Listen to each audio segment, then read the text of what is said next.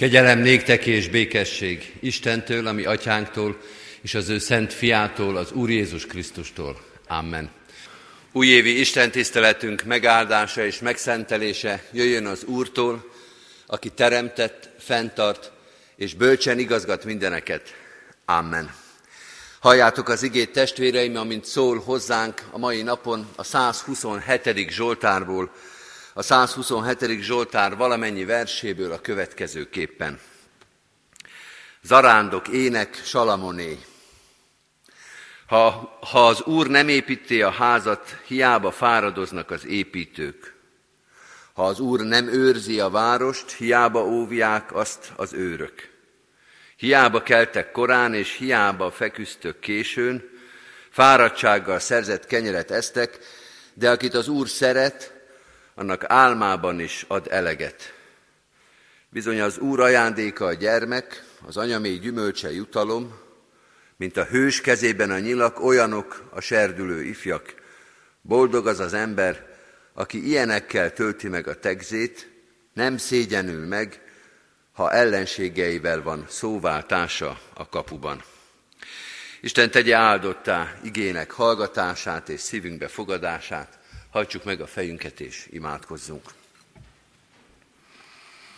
Mennyei atyánk, valóban hálával kezdjük ezt az Isten tiszteletet, hálaadással, dicsőítéssel, hogy megértük ennek az új évnek új esztendejét, új első napját és Isten tiszteletét, és itt lehetünk, és veled kezdhetjük, és a te dicsőítéseddel kezdhetjük ezt az évet. Köszönjük ezt az ajándékot, az életnek, az új lehetőségnek, a ránk viradó új napnak és új esztendőnek a lehetőségét, ajándékát.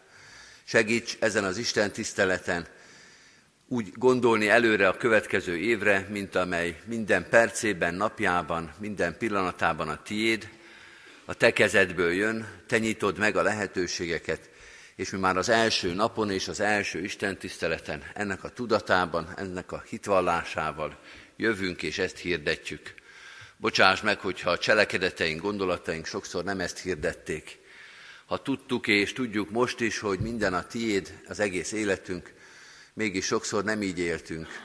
Bocsáss meg, hogyha az elmúlt esztendő nem mindenbe példázta, nem mindenbe hozta azt az elszánást, azt a buzgóságot, amit egy évvel ezelőtt itt a templomban, itt a te gyülekezetedben éreztünk, gondoltunk, hittünk. A gyarlóságunkkal, az ügyetlenkedéseinkkel, a lázadásainkkal együtt vagyunk itt, azzal a biztos hittel, hogy te ismersz ugyan minket sokkal jobban, mint ahogy mi magunk ismernénk, és mégis elfogadtál, mégis eljuttattál erre az új esztendőre, mégis új szolgálatra hívtál bennünket. Segíts nekünk, hogy megtaláljuk a helyünket abban a tervben, abban az esztendőben, amelyet te terveztél, és amely előtted már le is pergett, amelynek minden pillanatát jól ismered. Segíts megtalálni a helyünket az életünkben, a szolgálatunkban, a közösségeinkben, a gyülekezetünkben, minden viszonyulásunkban, a Te akaratodat, a Te tervedet szeretnénk teljesíteni.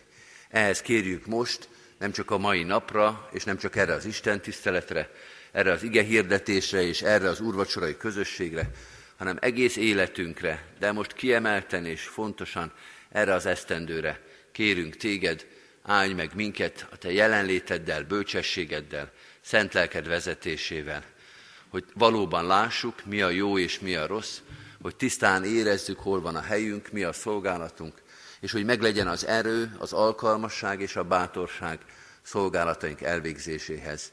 Ehhez kérjük a Te áldásodat, nélküled és a Te áldásod nélkül el sem indulunk, de bizonyosan és bizonyossággal jöttünk, hogy Te itt vagy, hogy Te vársz ránk, hogy Te helyet készítettél számunkra ebben a gyülekezetben, ebben az egyházban, a Te üdvösségedben.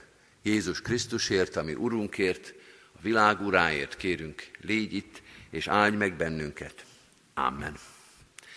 Kedves testvérek, ünneplő gyülekezet, az a szentírásbeli rész, melynek alapján Isten szent lelkének segítségül hívásával üzenetét hirdetni kívánom közöttetek, írva található a felolvasott bibliai részben, a Zsoltárok könyvének 127. részében, a második versben a következő képpen.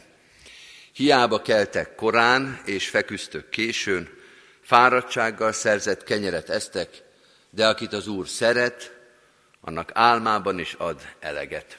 Eddig Istennek írott igéje, foglaljuk el a helyünket.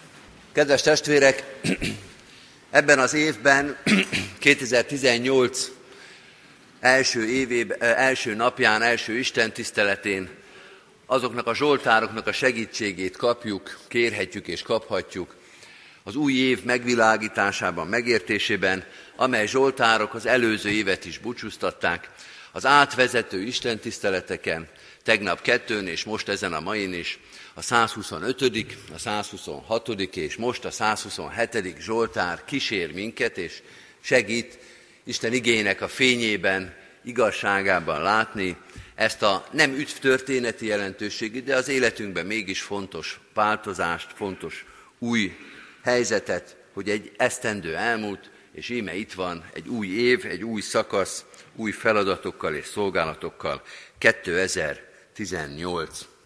Január 1-ére a 127. Zsoltárt választani, könnyű választás és reménységgel kecsegtet minket, mert ez egy nagyon szép Zsoltár, egy nagyon szép és ünnepi Zsoltár, amit egyébként nem újévi nap Isten tiszteleteken szoktunk használni elsősorban, hanem valódi nagy, gyülekezeti egyházi ünnepeken szokott ez előkerülni, főleg az első verse, amelyik ugye úgy kezdődik, emlékszünk, hogy ha az Úr nem építi a házat, hiába váradoznak az építők, ha az Úr nem őrzi a várost, hiába óvják azt az őrök. Na ez az ige sokszor és sok szép ünnepi alkalommal kerül elő méltán, mert ebben egy hitvallás van, vagy legalábbis egy megállapítás, amikor befejezünk egy nagy és fontos feladatot, és ünnepelünk, akkor kinyilvánítjuk, megvalljuk, hogy velünk volt az Úr, és az ő áldásának és az ő segítségének tulajdonítjuk azt,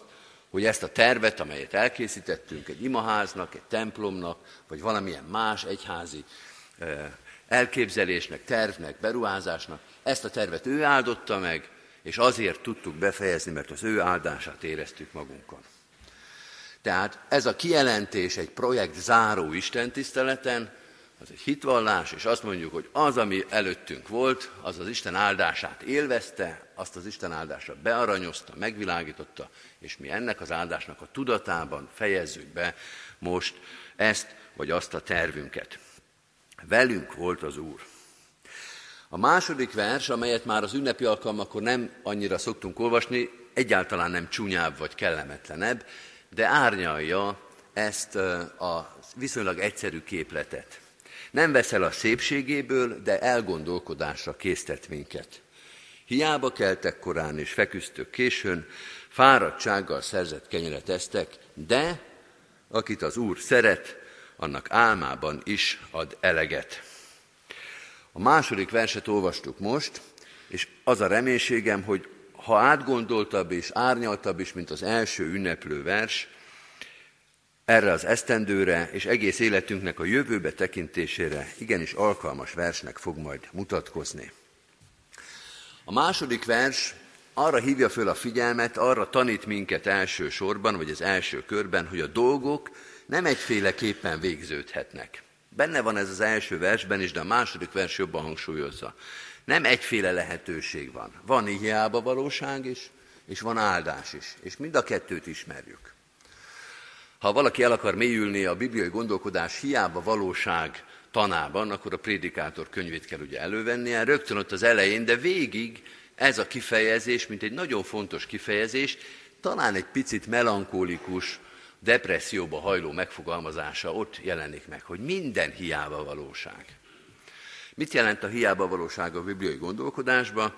Első körbe talán az elmúló ideig való dolgokat szokták így nevezni, de árnyaltabb megfogalmazásban azt mondja ez a kifejezés, hogy ha elmúlik is valami, az a baj, hogy sem a dolgok közben, sem a folyamatokban, sem utólag nem érezzük meg, hogy tulajdonképpen mi értelme volt annak a dolognak. Nem találja meg a helyét egy-egy dolog az Isten tervében, akár hosszú távon van jelen az életünkben, akár csak egy napra, a hiába valóság érzése akkor fog el minket, amikor azt érezzük, talán már közben is, vagy ami legalább ennyire jellemző, közben még nem, de utólag, hogy ennek igazából nem volt helye az Isten tervébe. Megvolt, nagyot szólt, esetleg szép, nagy, ünnepélyes keretek között avattuk fel, tettük be az életünkbe, de nem találta meg a helyét abba a tervbe, abba a képletbe, amit az Úristen tervezett az életünkre. Na ez a hiába valóság. Hogy sokat dolgoztunk érte, sok energiába telt, sok mindenért volt az első látásra fontos, de talán már közben is, vagy utólag azt érezzük, hogy mégis hiába való volt. A hiába valóság az olyan, mint amikor kirakunk egy nagy puzzle ezt a kirakós játékot, és van benne néhány elem, vagy akár csak egy, amelyeket ide is, oda is teszünk, olyan érdekesnek, fontosnak tűnnek, de amikor kirakjuk az egész puzzle azt látjuk, hogy valamilyen hiba folytán itt van egy vagy néhány fölösleges elem. Ki van rakva a kép, és még mindig ott van mondjuk három a kezünkbe.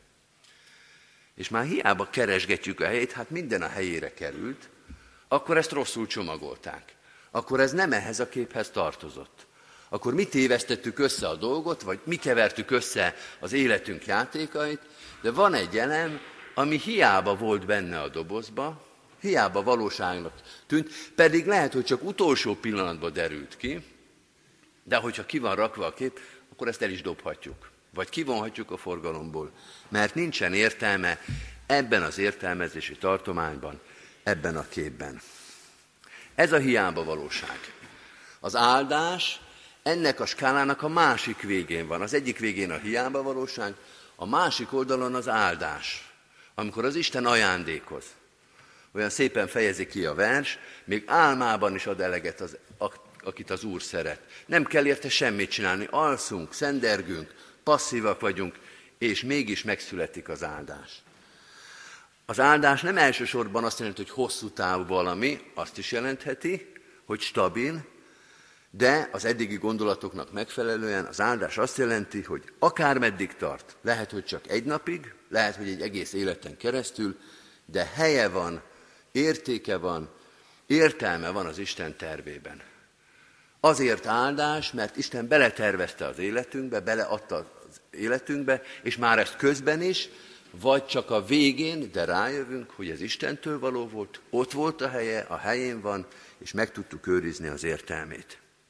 Vagyis, kedves testvérek, a fogalmi tisztázás azt mutatja, hogy a bibliai gondolkodásban ez a két véglet, amit a, a, amit a Zsoltárok könyvének a 127. része elénk hoz, a hiába valóság és az áldás, az önmagában nem értelmezhető, de az Istenhez való viszonyában értelmet talál. Az Istenhez való viszonyról szól, hogy mi a hiába való és mi az áldás. A második gondolat, miután ezt tisztán látjuk és értjük, a második gondolat a Zsoltárunkban így fogalmazható meg, fontos az a bizonyos, utólagos, végső hitvallás, amit kiszoktuk mondani, hogy mindeddig megsegített bennünket az Úr, hogy megáldott minket, hogy azért örülünk ennek az imaháznak, templomnak, ennek, annak a felavatásán. Azért mondjuk ezt az igét, mert végig azt éreztük, hogy az Isten áldása miatt nem volt hiába való a munkánk. Ez egy fontos dolog, hogy a dolognak a végén kimondjuk, hogy velünk volt az Isten.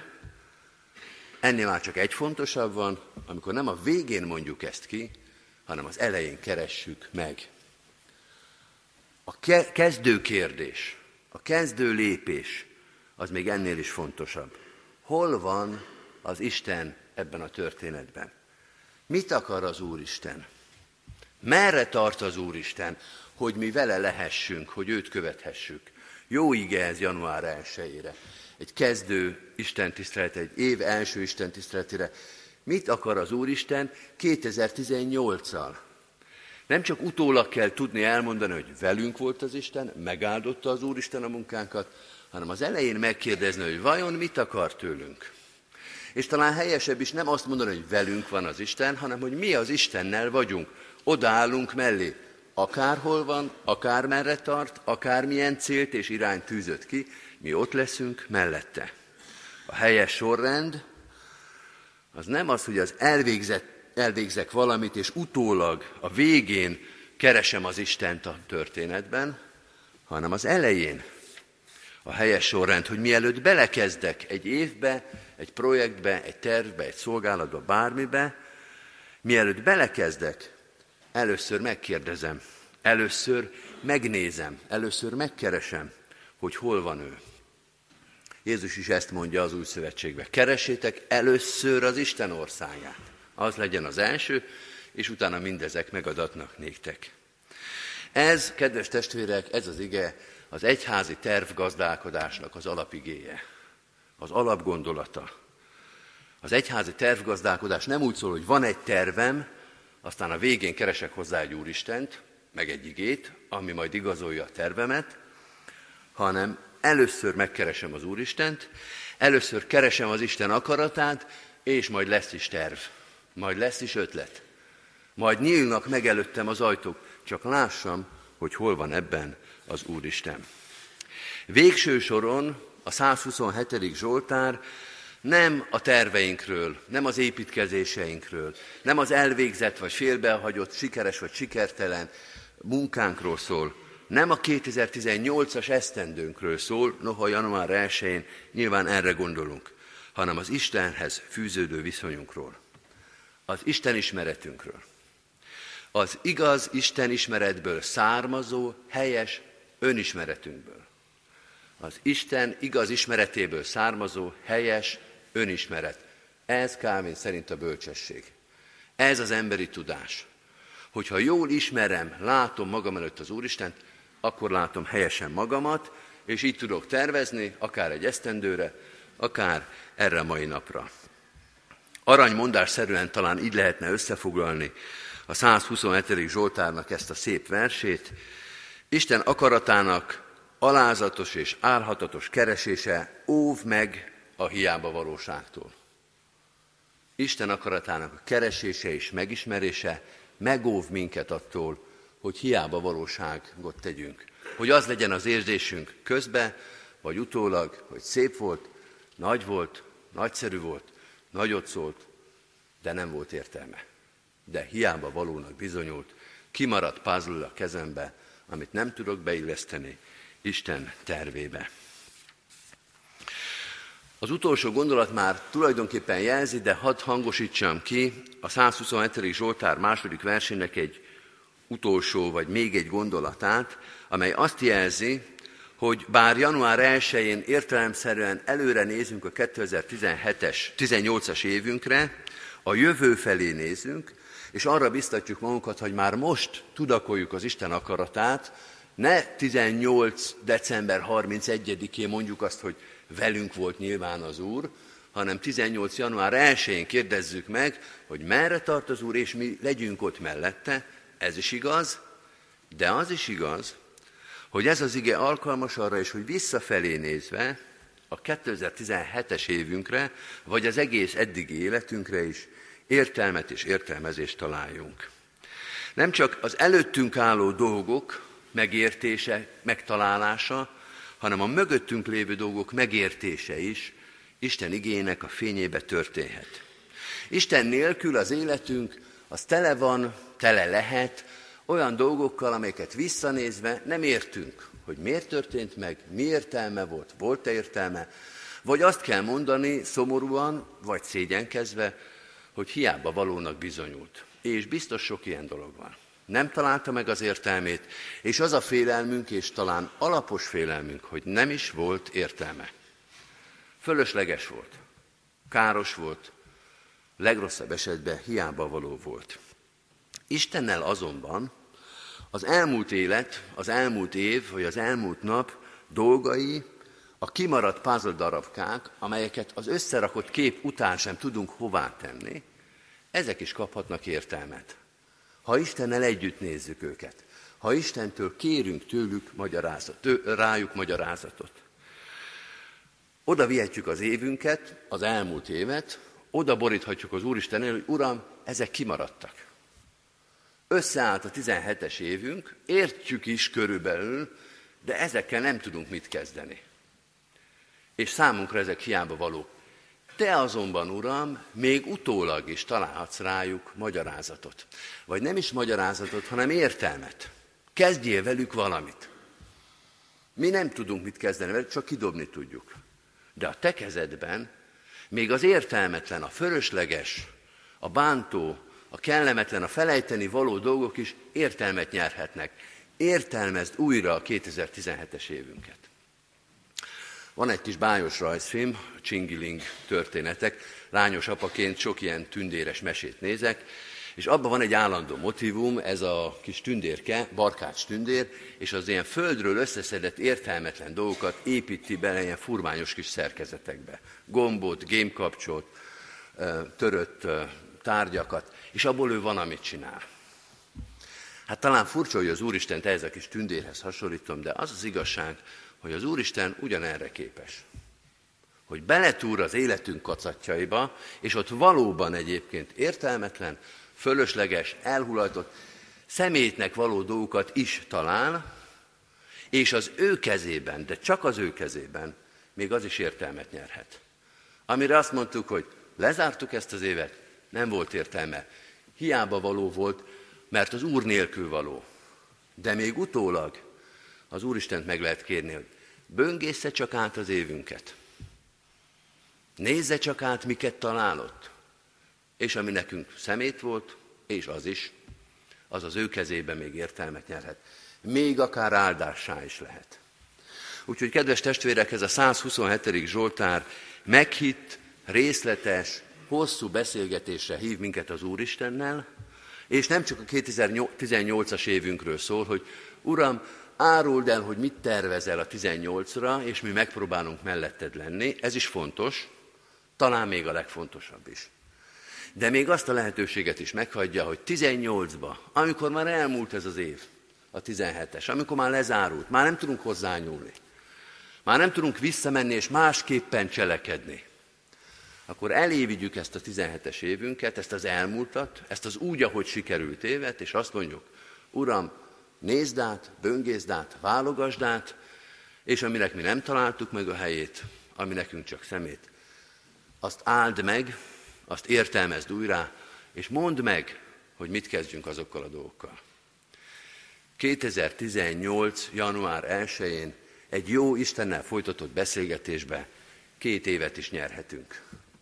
Egy újraértelmezett 17-et, és egy megvilágosított, megszentelt, előre megtervezett 18-at. Adja a kegyelem Istene, aki érdemünkön felül, elképzeléseinken felül gazdagon megajándékozhat minket, hogy így térjünk haza ettől a megterített asztaltól, a közös ígére figyeléstől, hogy két évet nyertünk egy Isten tisztelet alatt. A 17-et is újra, újra értelmezve, újra tervezve és gondolva, és a 18-at, ami előttünk van, de az ő kezében elvégzett év és elvégzett terv. Adja a kegyelem Istene, hogy ezt az ajándékot mindannyian meglelhessük. Amen.